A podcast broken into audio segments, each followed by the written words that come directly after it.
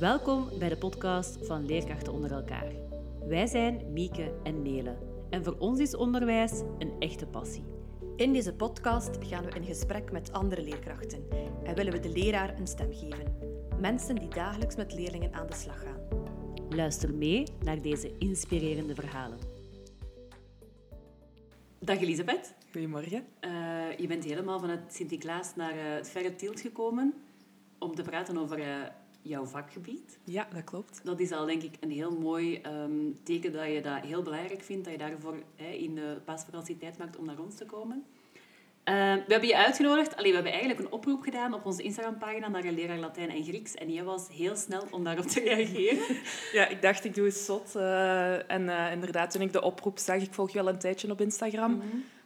en ja, ik las en ik dacht, ja, leerkracht Latijn en of Grieks. Ik dacht, ja, ik ben beide, dus waarom niet daarop reageren? En Mhm. bedankt ook voor de uitnodiging. En je zei ook al, als we nadien telefoneerden, van ha, eindelijk is iemand die, um, die dat in de kijker zet omdat je waarschijnlijk het gevoel hebt dat dat de laatste jaren minder en minder ja, aan bod komt, die leraar Latijn en Grieks. Is, klopt dat?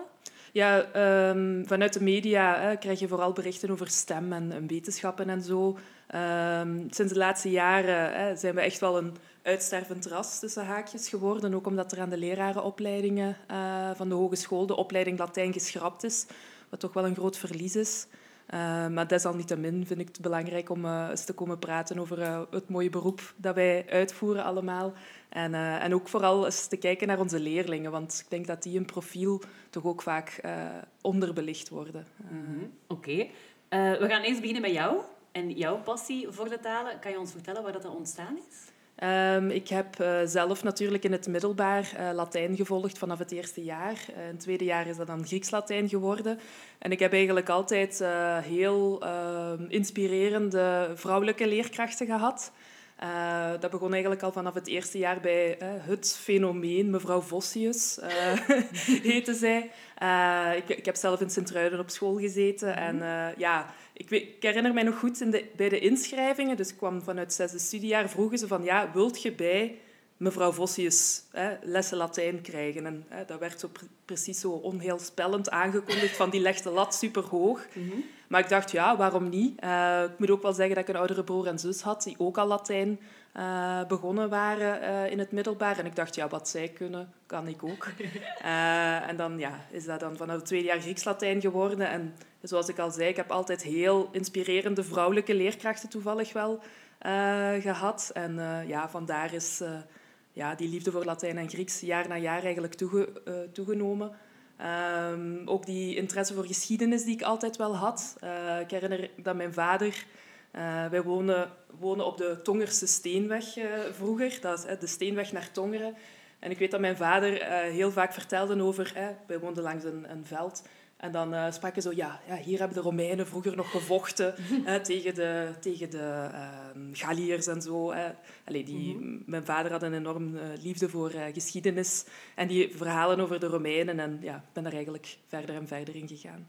Dus is, ja, is het misschien eigenlijk je papa die dan eigenlijk de passie een beetje heeft aangestoken? Ja, vooral zo voor geschiedenis. Mm -hmm. mijn mama is een enorme talenknobbel. Um, en ja, naarmate dat je allez, verder gaat, hè, derde, vierde, middelbaar, Latijn en Grieks, begint je echt zo wel die link tussen die talen te zien. Um, allez, ik vond dat enorm fascinerend. Hoe komt het dat er zoveel linken zijn tussen Frans, tussen Engels, tussen Nederlands? En ja, Latijn is de moeder van de talen die binnen Europa gesproken worden. En als je dan die linken begonnen te zien tussen die talen, dan werd er voor mij ineens heel veel duidelijk. Als je in het Latijn uh, de vorming van de tijden begrijpt, ja, dan begrijp je dat ook in alle talen. Uh, en ik vond dat eigenlijk een, een grote leerwinst uh, voor mezelf in het middelbaar. -hmm. Ik hoor een grote passie ja. voor de vakken. Is dan de keuze om zelf voor de klas te staan van daaruit gegroeid? Of waren de bedoelingen oorspronkelijk anders? Ja, de bedoelingen waren eigenlijk anders. Um, ik heb uh, in een heel klein klasgroepje gezeten. Dus ik was het enige meisje samen met twee jongens in uh, Grieks-Latijn. Eén iemand ging psychologie studeren, een andere ging uh, het leger in. En ja, ik dacht, ja, ik ga ook eens heel out of the box denken. Ik wou aanvankelijk criminologie gaan studeren. Ja. Um, ook wel een beetje, dat is misschien grappig, mijn grootvader keek vroeger altijd Baantje ja. met ons. En ook mijn moeder, enorme fan van Scandinavische crimiseries Ja, ja, en zo. Eh, uiteraard is dat niet de beste motivatie om aan criminologie te toch, beginnen. Maar, hè. Eh, en dan heb ik in het zesde middelbaar een Griekenlandreis eh, gedaan. Hè. Dus onze middelbare school organiseerde een, eh, een volledige reis door eh, Griekenland en, en, en naar Kreta. En daar is eigenlijk mijn ja, passie nog meer eh, opengebloeid voor, eh, voor Grieks dan vooral. Ehm, ik weet dat ik, toen ik afgestudeerd was, was ik thuis aan het praten over mijn studiekeuze. En mijn vader zei zo eens van, ja, maar hè, waarom zou je ook niet, zoals je oudere broer en zus, het onderwijs ingaan? En ik dacht, ja nee, hè, na zes jaar Latijn en vijf jaar Grieks, ik heb het wel gezien, Ja. ik, weet het, ik weet het wel Ja. allemaal. Eh, maar dan ja, is daar een soort van, heb ik het licht gezien tijdens die Griekenlandreis en die Griekse cultuur, eh, die mij ja, toch meer prikkelde. Zoveel dat ik er toch nog niet over wist. En daarom heb ik op eh, 1 september, ik vond dat ja, nogal een symbolische datum, 1 september ben ik mij gaan inschrijven aan de KU Leuven voor de bachelor eh taal en letterkunde Latijn en Grieks. En hoe heb je dat ervaren, die opleiding? Was dat, voldeed dat je verwachtingen? Of zeg je van, goh, dat dat was misschien... Ja, ik denk zoals elke univer- universitaire opleiding zijn er vakken die je helemaal het einde vindt. Hè. Ehm, eigenlijk alle vakken die met Latijn of Grieks te maken hadden, vond ik geweldig. Zo algemene taalvakken, hè, algemene taalwetenschap, algemene literatuurwetenschap, dat vond ik dan een beetje minder. Ja. Eh, maar ik denk vanaf de tweede bachelor mocht je dan zo keuzevakken kiezen. En kon je filosofie gaan doen.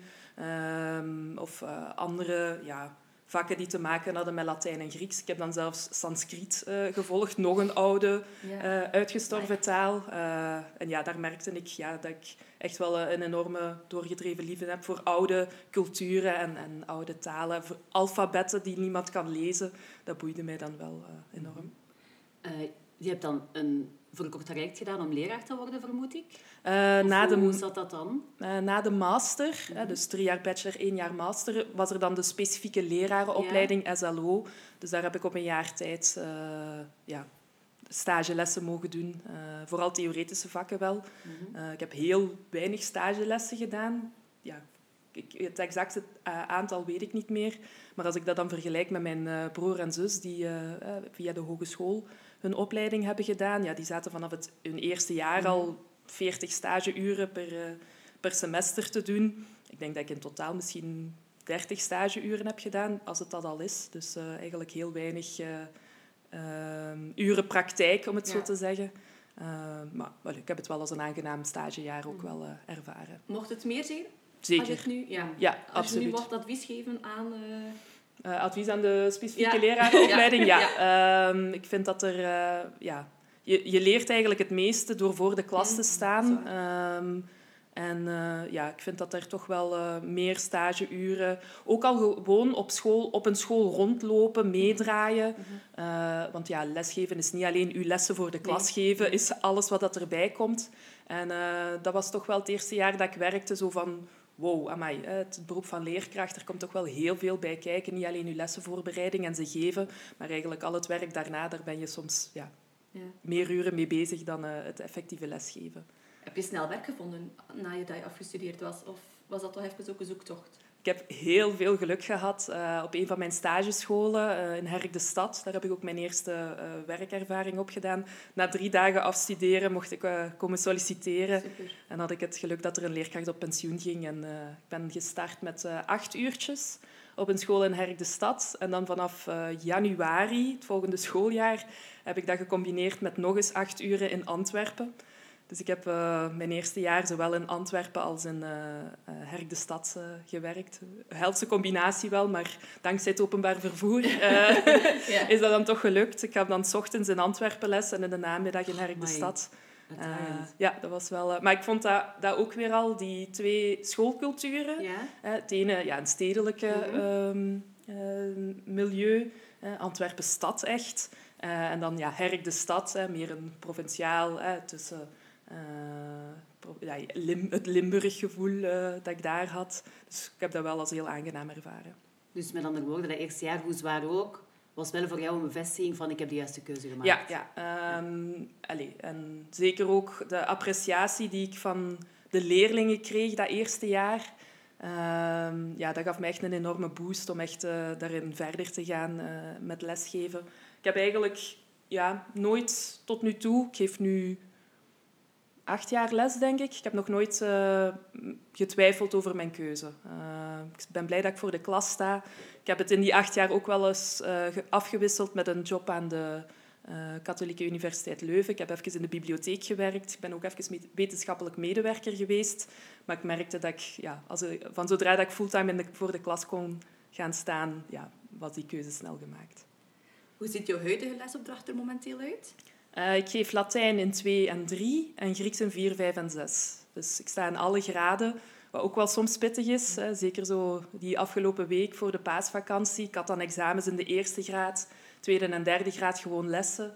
Uh, maar ja, ik vind die variatie wel leuk. Hè. Je moet je staat met een andere uh, visie voor de klas in die lagere jaren. Hè. Uh, maar, tegelijkertijd in die hogere jaren mag je ze intellectueel, intellectueel meer uitdagen. En ik vind die afwisseling echt wel leuk. Um, kan je eens uitleggen hoe dat je dat anders aanpakt? Want je zegt, ja, dat, dat is inderdaad helemaal anders. Hè. Eerste graad of derde graad. Schakel je dan op een bepaalde manier echt ook naar hoe dat je zelf voor de klas staat als persoon? Of hoe, hoe maak je daar een echt verschil in? Um, ik denk wel, allez, als ik dat van mezelf mag zeggen, een van mijn grootste sterktes is wel mijn authenticiteit. Um, ik heb niet het gevoel dat ik iemand anders ben buiten het klaslokaal of, of uh, in het klaslokaal. Maar ja, ik, ik, pas mezelf wel aan in de zin van, ja, uh, ik weet dat ik niet de moeilijke woorden moet gebruiken in de eerste graad. Um, daar probeer ik ze ook wel op een andere manier te prikkelen dan in de, in de hogere jaren. Uh, in, als ik uh, Grieks geef, 4, 5 en 6, zijn het ook kleinere groepen. Mm -hmm. um, ja, mijn grootste klas is daar een klas van zes leerlingen. Uh, ja. In de derde graad heb ik een graadklas. Ik ken de leerlingen daar ook al beter. Hè. Sommige geef ik dan al drie of vier jaar les. en ik merk dat mijn aanpak dan ook wel persoonlijker is. Mm -hmm. um, ik, pas mijn Allee, ik geef mijn lessen op een manier waarop ik denk dat het leuk is voor de leerlingen. En hoe beter dat ik de leerle leerlingen ken, hoe, allez, hoe meer aangepast mijn lessen zullen zijn. Of ik weet ze dan op een bepaalde manier meer te prikkelen of zo. Um, in de lagere jaren moet ik ja, qua klasmanagement wel wat sterker in mijn schoenen staan. Dat zijn uh, um, leerlingen die uh, af en toe wel eens uh, op een plek moeten gezet worden. Hè. Die, daar, daar, zit nog heel veel leven in. Um, dus ja, zo probeer ik mij daar een beetje aan aan te passen. Mm -hmm. Oké, okay, super. Uh, die leerlingen die bij jullie kiezen op dit moment voor Latijn en voor Grieks, met welke motivatie doen de leerlingen dat? Um, ik denk dat dat een heel breed beeld is van die leerlingen. Sommigen zijn echt vanaf jongs af al. Hè. Uh, sommige leerlingen vertellen dan ja, op Ketnet de nachtwacht. Hè. Dat wordt heel vaak verwe verwezen naar zo mythologische verhalen en zo. Die zijn daar enorm door gebeten. Uh, andere Um, hebben misschien hè, Nederlands niet als thuistaal. En die hebben dan gehoord van, ja, maar hè, als je Latijn gaat studeren, dan ga je ook meer ondergedompeld worden in, uh, in talen. Hè. En mm -hmm. door een andere taal te begrijpen, begrijp je ook het Nederlands beter.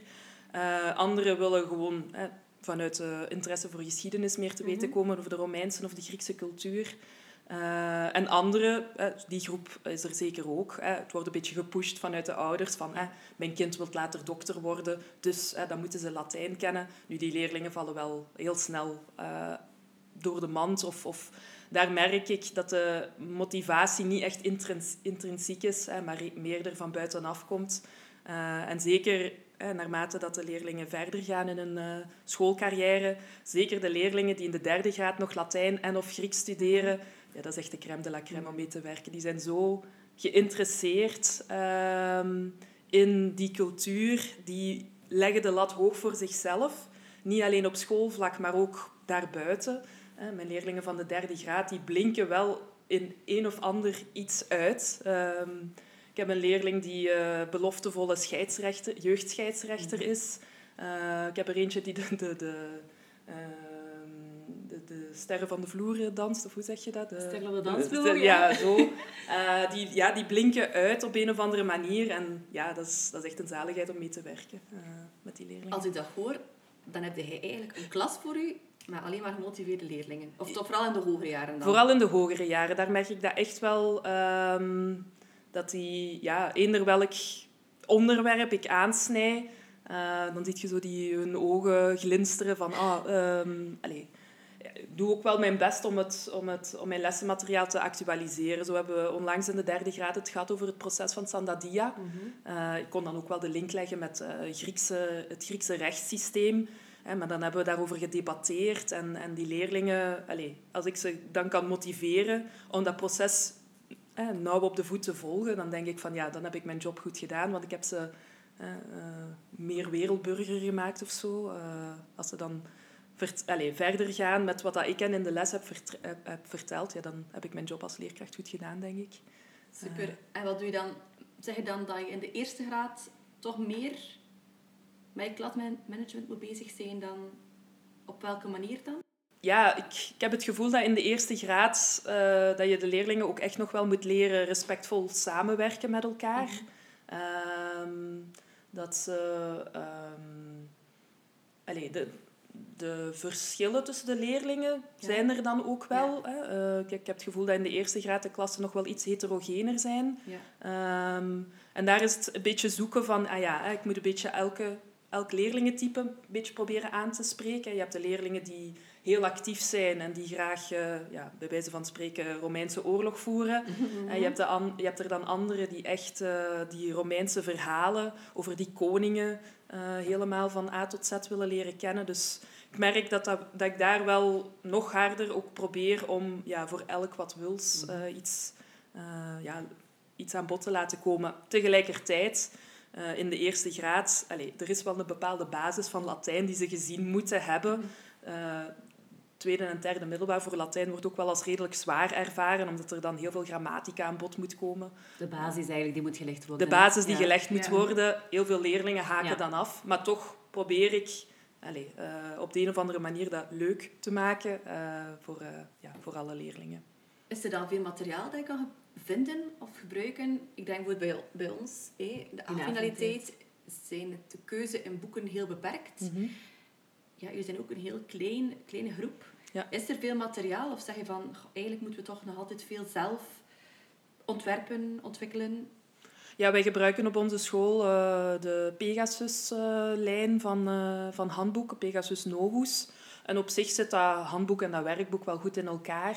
Um, maar ja, ik, ik, verzin af en toe wel zelf lessenmateriaal. Nu, ja, over, over de Romeinse cultuur kan je enorm... Allez, dat is zo'n grote vijver waaruit je, je kan vissen. Um, nu hebben we onlangs een, een, project gedaan over Romeinse festivals. Hè. Bijvoorbeeld uh, Valentijn, dat is een, dat is een, dat is een, een, feestdag die roots heeft in de Romeinse cultuur. En dan laat ik de leerlingen daar mee kennis maken. En ja, zo ben ik weer al voor een paar lessenreeksen vertrokken. Hè. ik hoor je zeggen, we hebben een project gedaan. Uh, we waren ook heel benieuwd naar in welke mate dat er een vakgroep is op jouw school. Of dat jij parallel collega's hebt waar je kan op rekenen. Is dat er? Ja, ik heb echt... Uh, nu, uh, ook daar, hè, we, we, hebben niet alleen een klein leerlingenaantal. We zijn ook maar een kleine vakgroep. we zijn met in totaal drie dames en één man mhm. in onze vakgroep. ja, wij, ja, wij komen supergoed overeen met elkaar. Uh, parallel uh, heb ik uh, momenteel alleen een collega in het derde middelbaar. Mm -hmm. voor, voor Grieks ja, mag ik lekker mijn eigen ding doen en ik vind dat wel leuk. Het is ook wel leuk om af en toe te kunnen sparren mm. met iemand, om ideeën uit te wisselen. En dat heb ik nu in het derde middelbaar en ik ben Jamie heet ze. Uh, heel dankbaar. Uh, vorig jaar heb ik het derde middelbaar alleen gegeven. Nu sta ik parallel met haar. En zij helpt eigenlijk om mijn mhm. lessenmateriaal te optimaliseren. Ook wat meer structuur in mijn chaos uh, te brengen. Want ja. allez, ik beschouw mezelf als redelijk creatief. Maar ook wel chaotisch. ik denk dat dat een beetje samenhangt. en ja, zij helpt mij enorm. en zij geeft ook uh, heel veel input, uh, en waardoor dat mijn lessenmateriaal eigenlijk nog beter wordt. Mm -hmm. uh, dus meestal gebruik ik zo een vakantie of de grote vakantie om mijn lessenmateriaal, wat, wat heb ik nu het afgelopen jaar allemaal gedaan, om dat dan een beetje op orde te zetten. Maar nu wordt dat zo ja, bijna per maand op orde gebracht door, door mijn lieve collega. Daar ben ik wel heel dankbaar om. Ja, de passie spat er alleszins wel af, vind ja, ik. Hè? Um, maar ik kan me voorstellen, die passie nog samen met mijn collega's delen, dat er nog veel, uh, ja, dat, is echt, uh, dat dat nog veel fijner is. Hè? Ja, dat is inderdaad heel verrijkend. Uh, we zijn ook onlangs bijvoorbeeld naar Rome geweest met een groep vijfdejaars. Niet alleen leerlingen Latijn, maar ook leerlingen van andere richtingen. En mhm. mijn collega Latijn, onze enige man, Nick, was er dan bij. En als je hem dan hoort vertellen op de plek waar Keizer gestorven is, mhm. en dan kan ik alleen vol bewondering naar hem luisteren. En ja, dan Allee, vind ik zelf bij mijn collega's voorbeelden van hoe ik het zelf heb mhm. ervaren in het middelbaar. Zo die leerkrachten waar je echt naar kunt opkijken. Uh, en dat, dat merk ik ook bij mijn eigen collega's, dat zij mij ook inspireren. En omgekeerd ook, ze hebben dat ook al een paar keer gezegd, Elisabeth, die creativiteit van u, uh, dat is geweldig, daar zit precies geen rem op. Uh, dus dat is heel fijn dat dat wederzijdse appreciatie is. Ja, want ik kan me wel voorstellen, ik heb dat was ook een van mijn bedenkingen, ja, zo het didactische aanpak van jullie vak dat dat waarschijnlijk wel uitdagend is, omdat er inderdaad, zoals je in het begin zei, een, een soort van basis van de taal echt moet aangeleerd worden. Dus ik kan me voorstellen dat het niet altijd evident is om daar didactisch ja, op een fijne en motiverende manier mee om te gaan. Mhm. Ehm, ik weet niet of dat een moeilijke vraag is, maar kan je zo eens een voorbeeld geven van hoe dat je iets echt heel concreet aanpakt in de les, zo om die leerlingen daar echt actief mee te laten bezig zijn? Um, ja, die, ik, ik beschouw grammatica-lessen niet echt als mijn uh, sterkste kwaliteit. Uh, ik, mijn uh, collega's van de eerste graad, Jamie en Katja, zijn daar veel gestructureerder in. Mm -hmm. maar een voorbeeld van grammatica-lessen is... Um, we hebben de verschillende tijden in het Latijn. Hè, mhm. praesens, imperfectum, perfectum. Je hebt daar ook een actieve en een passieve vorming in. En dan had ik de leerlingen eens uh, Flipping the Classroom laten mhm. doen. Ik had een uh, filmpje ingesproken waarin de leerlingen konden luisteren naar de uitleg. Hè, en dan hadden ze, uh, mochten ze op zelfstandige basis oefeningen maken. En de leerlingen zeiden zelf van, ah ja, som, ik probeer dan ook direct te evalueren van, ah, wat vond je ervan? Is dit iets voor jou? En de leerlingen zeiden zelf van, ah, het is een aangename afwisseling met gewoon, u legt het uit aan het bord en wij maken de oefeningen. Um, er wordt heel veel extra lessenmateriaal ook voorzien. Ik weet, uh, mijn collega Katja, die geeft aan Grieks in het tweede middelbaar, die maakt uh, heel veel um, oefeningen waarbij ze Donald Duck uh, gebruikt. Mm -hmm. Dus dan maakt ze zo cartoontjes met zinnetjes in het Grieks dan, waarin dat de grammatica aan bod komt. Dus ja, ik denk op die manier proberen we didactisch ook die moeilijkere leerstof aan te brengen. Ja.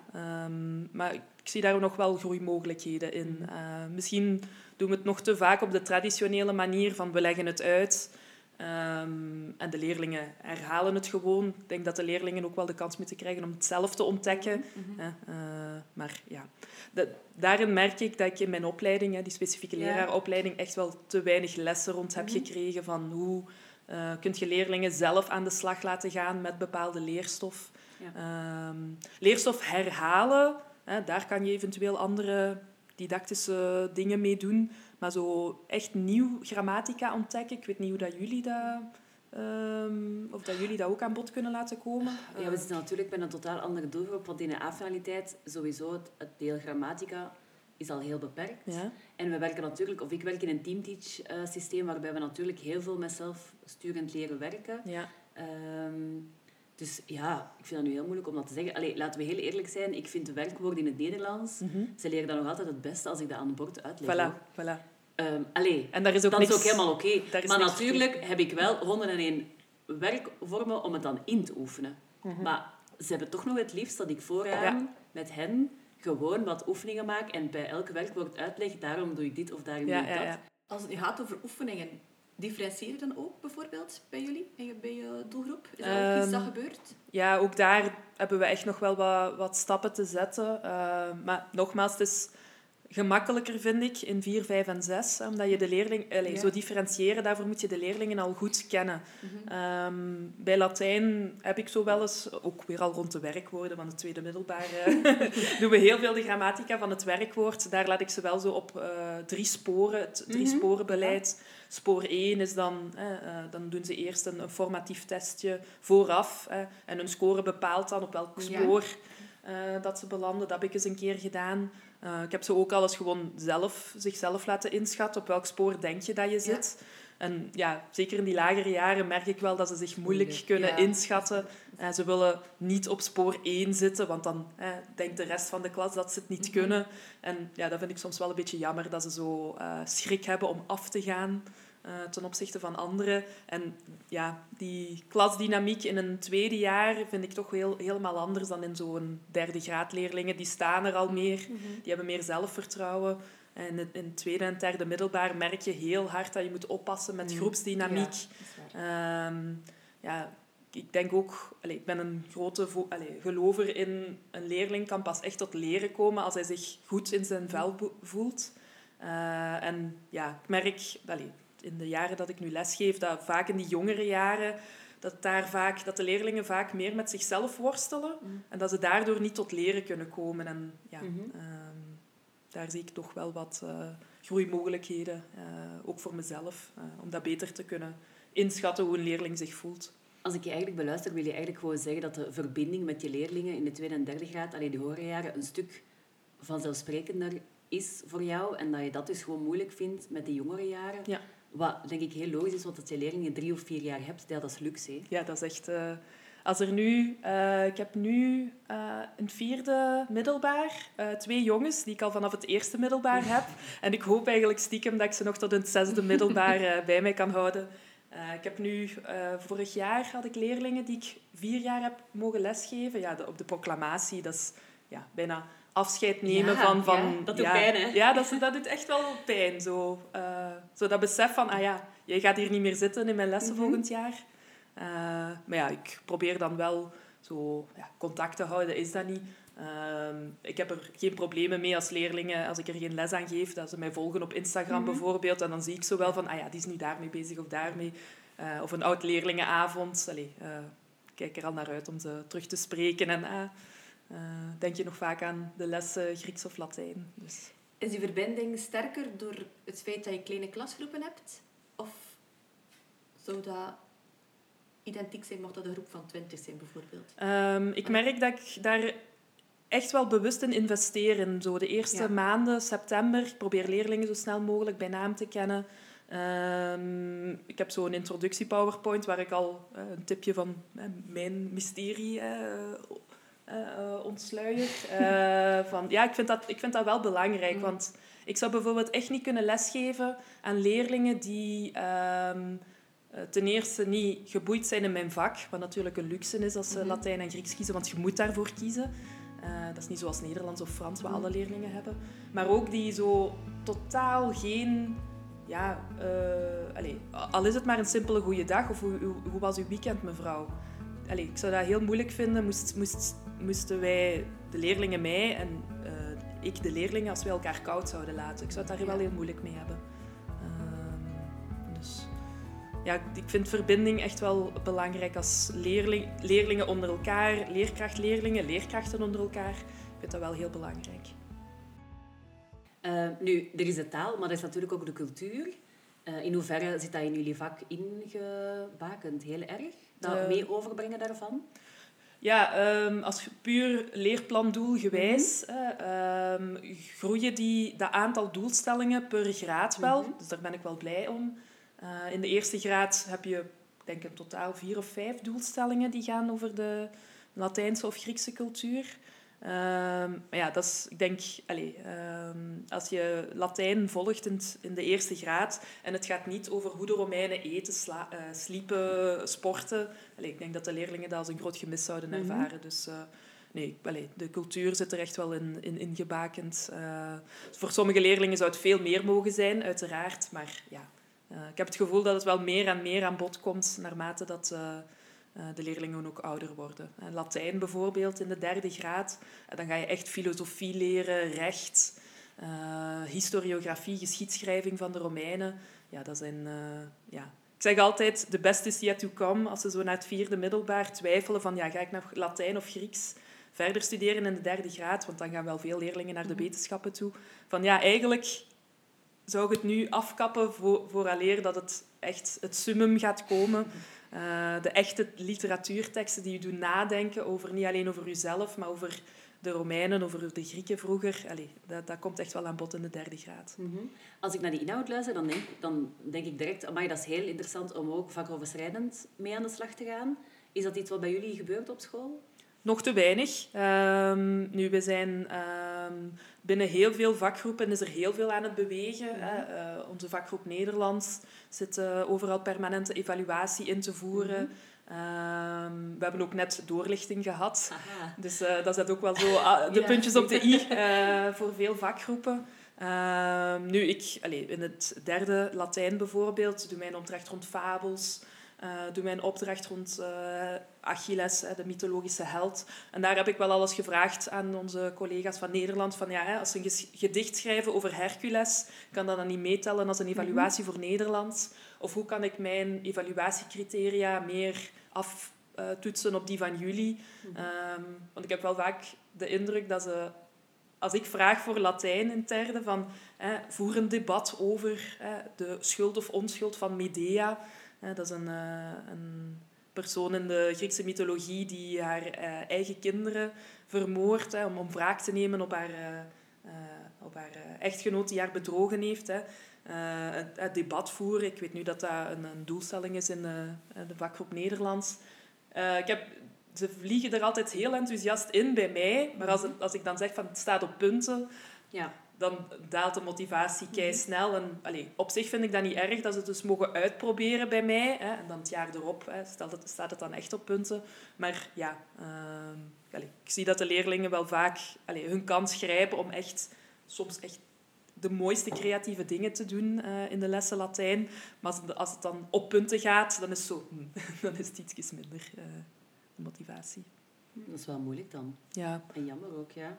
Uh, heb je het gevoel dat er te weinig tijd is om aan die vakoverschrijdende projecten te werken? Want ik hoor je vaak zeggen, ja, we spreken er wel vaak over en we sparren er wel vaak over, hm. maar zo echt iets uitwerken is moeilijk. Hoe komt dat, denk je? Ehm, ja, ook, ik denk omdat heel veel collega's toch wel druk eh, ervaren. Uh, dat ze het te druk hebben met hun eigen leerstof, om het dan uh, overleggend te hebben met, met andere uh, vakken. Ik denk dat voor heel veel collega's het ook voelt als een extraatje dat ze gaan moeten doen. Mhm. Eh, terwijl dat, dat helemaal niet mijn bedoeling zou zijn. Um, ik ken scholen die bijvoorbeeld rond uh, justitie een heel project doen in de derde graad. Um, het zou leuk zijn als ik dan mijn gedeelten over Grieks of Romeins recht mm daaraan kan koppelen.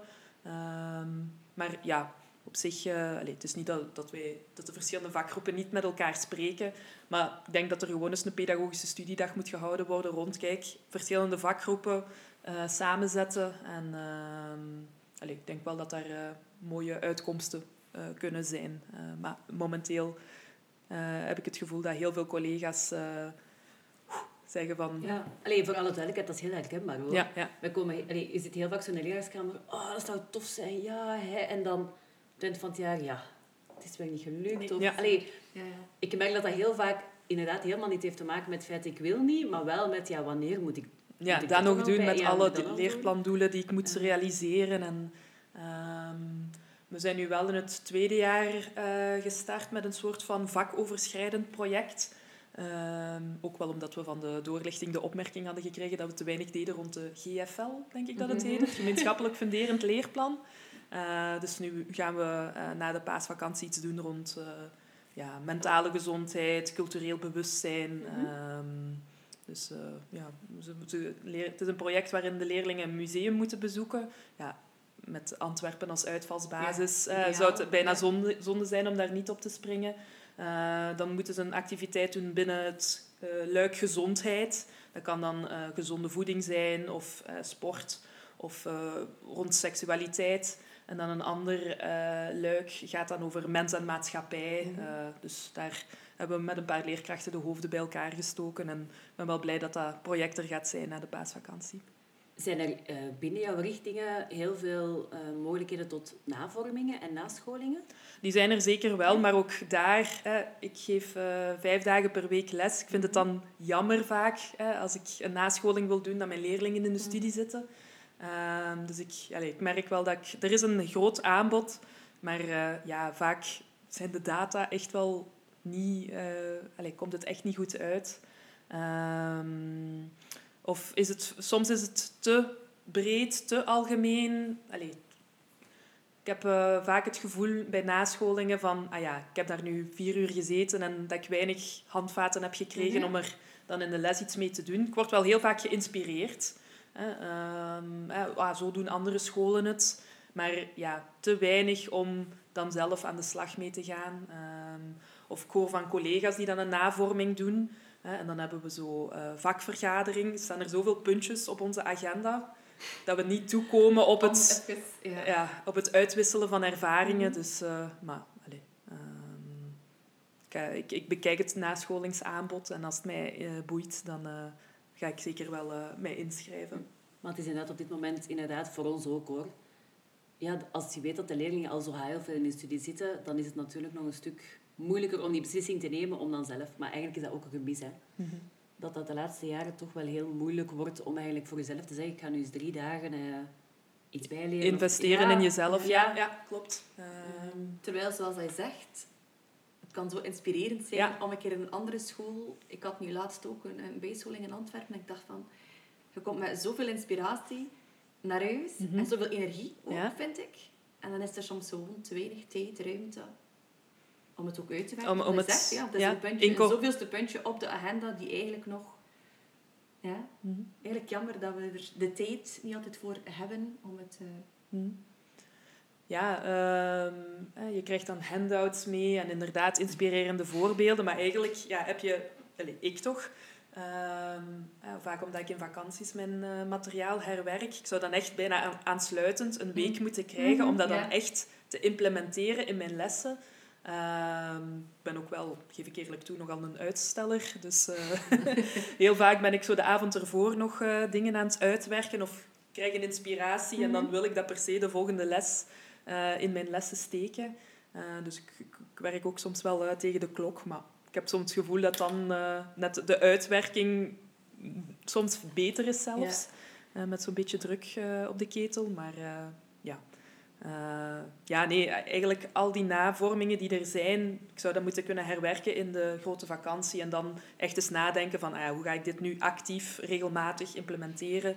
Hetzelfde met die, um, met die grammatica-lessen, hoe kan je dat op een uh, zo gevarieerd mogelijke manier, uh, zelfgestuurd, uh, gedifferentieerd aanbrengen. Ja, ik, ik heb daar meer tijd voor nodig om dat te verwerken mhm. in mijn lessen. Daar zeg je tijd. Tijd. We soms ja. echt tijdtekort ja. in het onderwijs, denk ik. Mhm. En dat zien we mensen soms ook niet, de tijd die we aan zulke zaken eigenlijk nog moeten uh, spenderen om gemotiveerde leerlingen voor de klas, in je klas te hebben.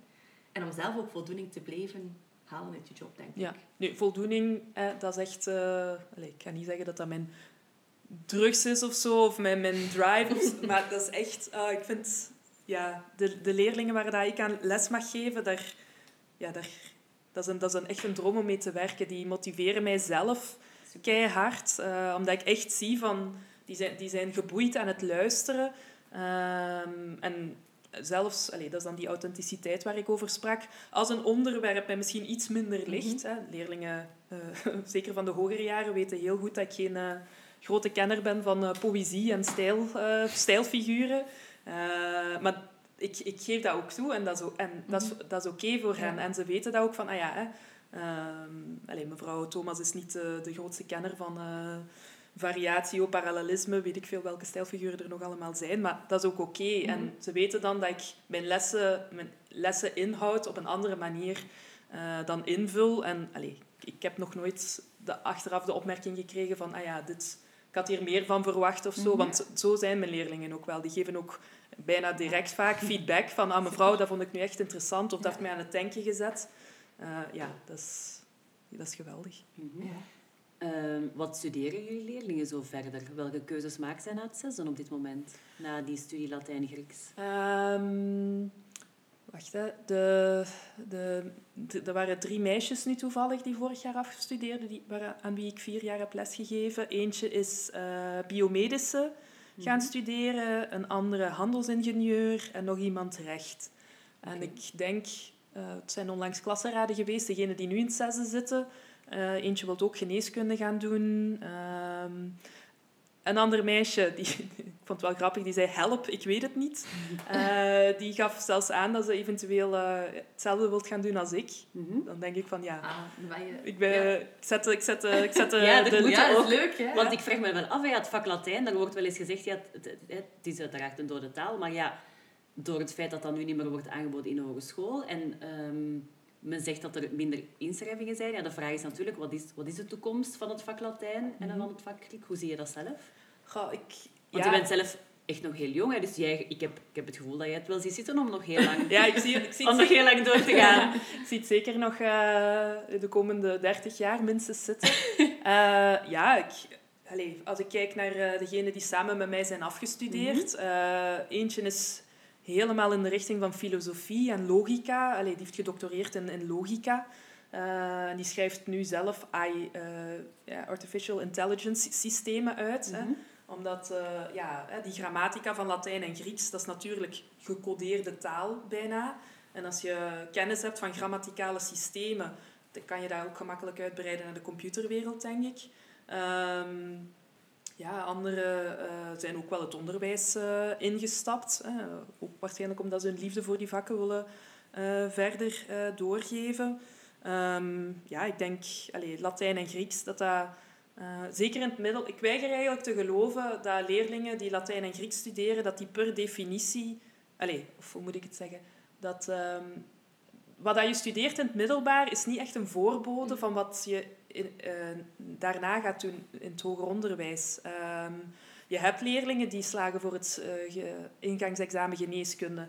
Je hebt leerlingen die, als ik kijk naar mijn eigen klasgenoten van het middelbaar, die in de psychologie mm -hmm. verder gaan. Uh, of zelfs ja, het leger. Allee, ja, ja. Dus ja. ik denk dat dat gewoon een hele brede basis is voor zoveel studies. rechten, um, zelfs um, ja, geschiedenis, filosofie. Allee, heel eigenlijk heel breed. Zelfs als je meer de wetenschappelijke uh, takken wilt gaan uh, verkennen, denk ik allee, dat het zeker geen kwaad kan om Latijn of Grieks mhm. gestudeerd te hebben. Uh. Denk je dan dat we te weinig kansen nemen om jongeren warm te maken daarvoor op dit moment?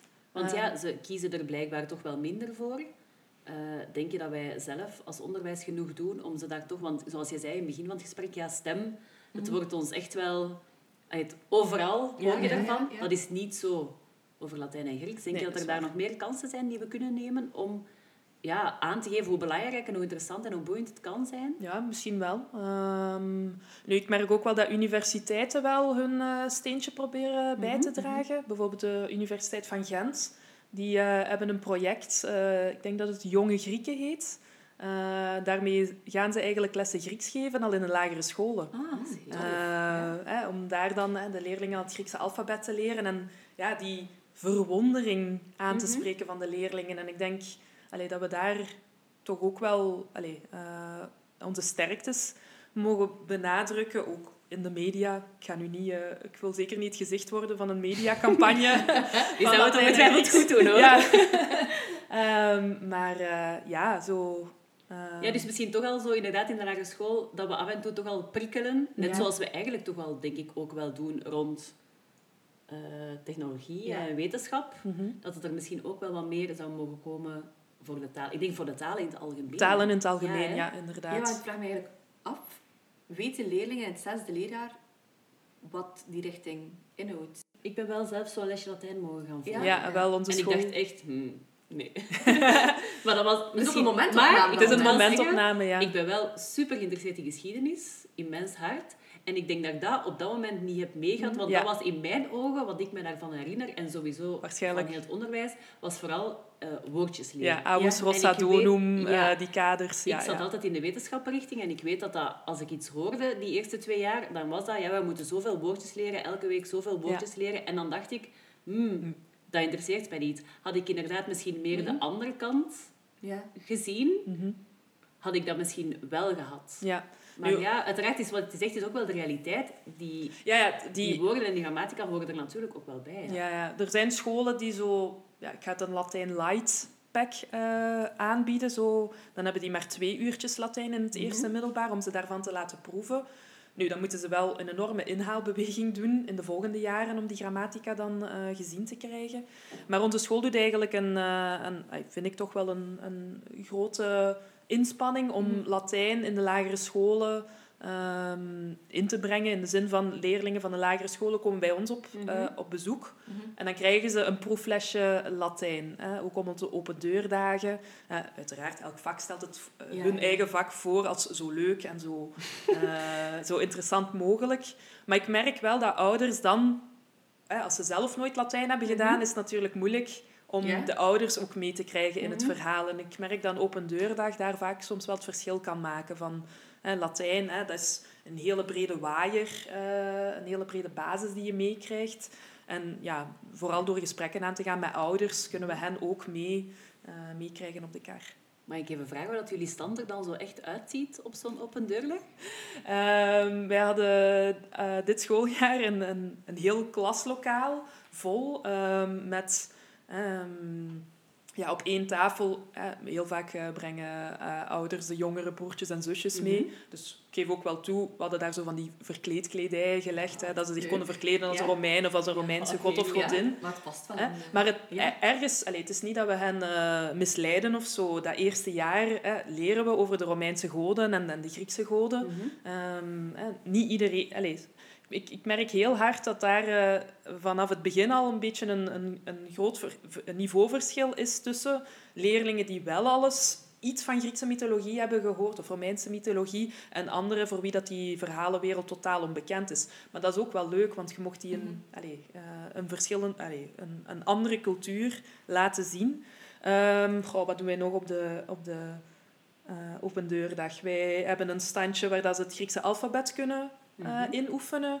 Um, en dan ja, eigenlijk gewoon heel klassiek dat we de boeken van de verschillende jaren uh, laten zien. Um, maar ja, we hadden toch wel... Uh, het was zeer overdonderend, de open deurdag. Heel veel volk dat wou komen kijken. Mm -hmm. En ik merk inderdaad dat heel veel mensen niet weten wat het inhoudt, ja, ja. Latijn en Grieks. Dus, en ja. ik denk dat, dat dan jullie het verschil maken. Hè? Jullie die me daar met passie... Allee, als ik merk hoe enthousiast dat jij bent, dan kan ik me voorstellen op een open deur dat het er ook afspat. En dat waarschijnlijk ook gewoon jullie zijn die daar staan en die aangeven van hé, hey, kijk, dit, is, mm -hmm. dit kan voor jou het ding zijn, dat dat ja. uh, het verschil ja. kan maken. Hè? Ja. Of ook de leerlingen zelf aan het woord laten. Hè. We hadden zo'n boekje liggen met... Um, ik denk dat we vijfdejaars gevraagd hadden... Uh, uh, om, allez, of, of ze nu verder deden met Latijn of Grieks. Ja? Uh, gevraagd van, kijk, wat is uw erfenis van vier jaar Latijn mm -hmm. gedaan te hebben. En dat is eigenlijk de beste publiciteit. Dat de leerlingen Zeker. zelf erover vertellen van uh, wat dat ze allez, overhouden. Dat klinkt niet precies als, uh, als littekens eraan overhouden. Bij sommigen zal dat misschien wel zo zijn. Uh, maar ja, wat, dat een, wat dat ze onthouden van die lessen Latijn en Grieks. Bro, wat waren zo de reacties van die leerlingen? Van ja, uh, in het vierde jaar kunnen ze Spaans uh, bij ons op school kiezen. Sommige leerlingen zeggen van ja, als je vier jaar Latijn hebt gedaan, gaat Spaans eigenlijk super vlot, want je hebt een basis van grammatica of Duits. Um, andere leerlingen die dan wel Latijn en Grieks of, en of Grieks verder studeren, die zeggen van ja, de eerste vier jaren zijn inderdaad het zwaarst, maar nu ja, wordt het, het harde werk wordt beloond. Ja. En ik merk dat dat ook vaak een, een, reden is voor leerlingen om het niet te kiezen. Mm -hmm. ja. Zo, dat doorzettingsvermogen dat vaak ontbreekt. En dat is toch wel iets ja, waar dat echt die leerlingen Latijn en Grieks om, om ja, gelauwerd mogen worden. Dat doorzettingsvermogen, dat durven kiezen voor, de niet zo evident, voor het, ja, de, het niet zo evidente pad. Hè. Iedereen, mm -hmm. hè, de wetenschappen en hè, daar ligt de toekomst. Mm -hmm. Maar die, hebben, die leerlingen hebben eigenlijk zo de, de ballen, hè, het lef, om te zeggen van nee, ik kies iets uh, wat dat mij interesseert en ja, dat kan mij niet schelen wat de andere mensen daarvan vinden. En dat, allee, dat apprecieer ik ook wel enorm. Uh, uh, ja, ik vraag dat soms. Hè. Heb je soms geen tantes of nonkels of oma's, opa's aan wie je je keuze moet verantwoorden? Ja, ja, heel vaak wel. Maar ja, die staan dan sterk genoeg in hun schoenen. Zeker dan als ze verder studeren. Uh, vier, vijf en zes. die hebben zoiets van, ja, en ik ben vier dat ik leerling Grieks of, of Latijn ben. Dus... Oké, okay, dat verbaast me wel. Want ik dacht net altijd dat ze zoiets wel mee uit te pakken.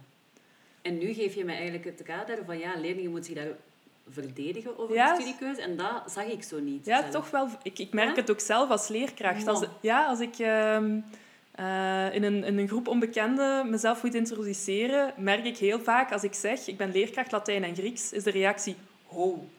Standaard is dat de reactie van oh, amai, dan zit jij slim. Ik zo, ja, maar ik ben even slim als een leerkracht uh, Nederlands, Frans, wetenschappen. Ik merk, ja, ik merk dat er wel een bepaald... Uh, hoe moet je zeggen? Stereotype beeld, Stereotype beeld van ja, dat is alleen voor de superslimme leerlingen. Of het zijn allemaal nerds uh, die dat studeren. Um, en ja, allez, ik beschouw mezelf toch niet als een nerd. Uh, misschien ben ik al meer in de richting van een vakidioot aan het uh, evolueren. Maar allez, ik denk wel dat mijn interesses nog breed genoeg zijn. dat ik niet alleen Latijn en Grieks adem. Ehm, maar ja, ik, allez, ik merk wel dat ze zich vaak moeten verantwoorden voor een keuze.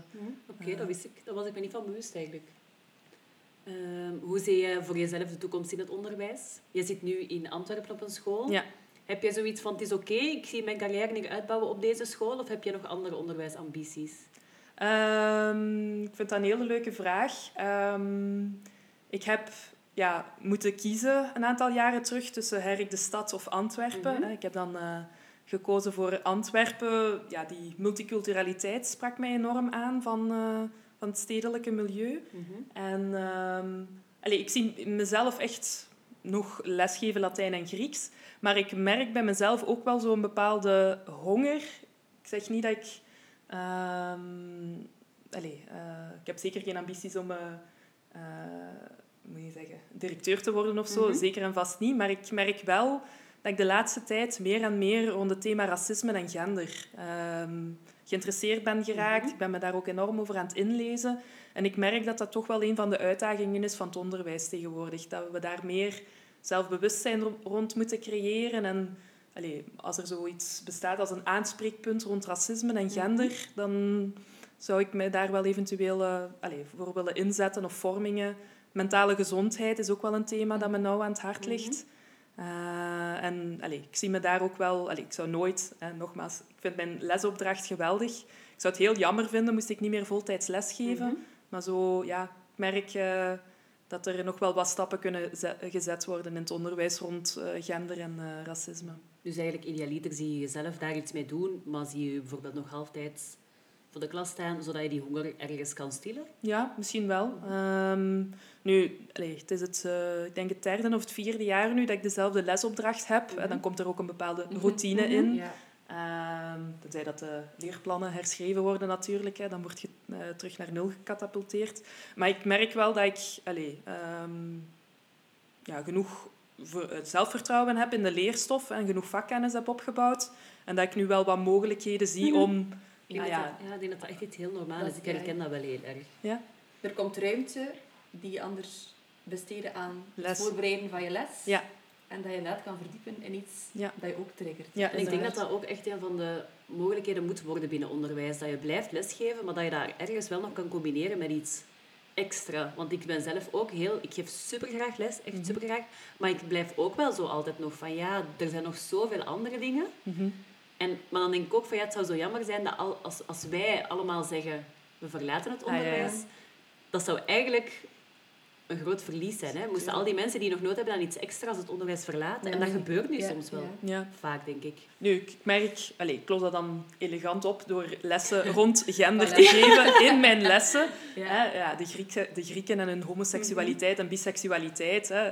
En ook daar zie ik dan sommige leerlingen soms ja, gechoqueerd zijn van oeh, waren al die Griekse biseksueel? Hè? uh, maar dat ik zo wel thema's ook kan aansnijden. Mhm. Ehm, bijvoorbeeld ook in het vierde uh, mogen de leerlingen uh, zelf een onderzoeksthema kiezen.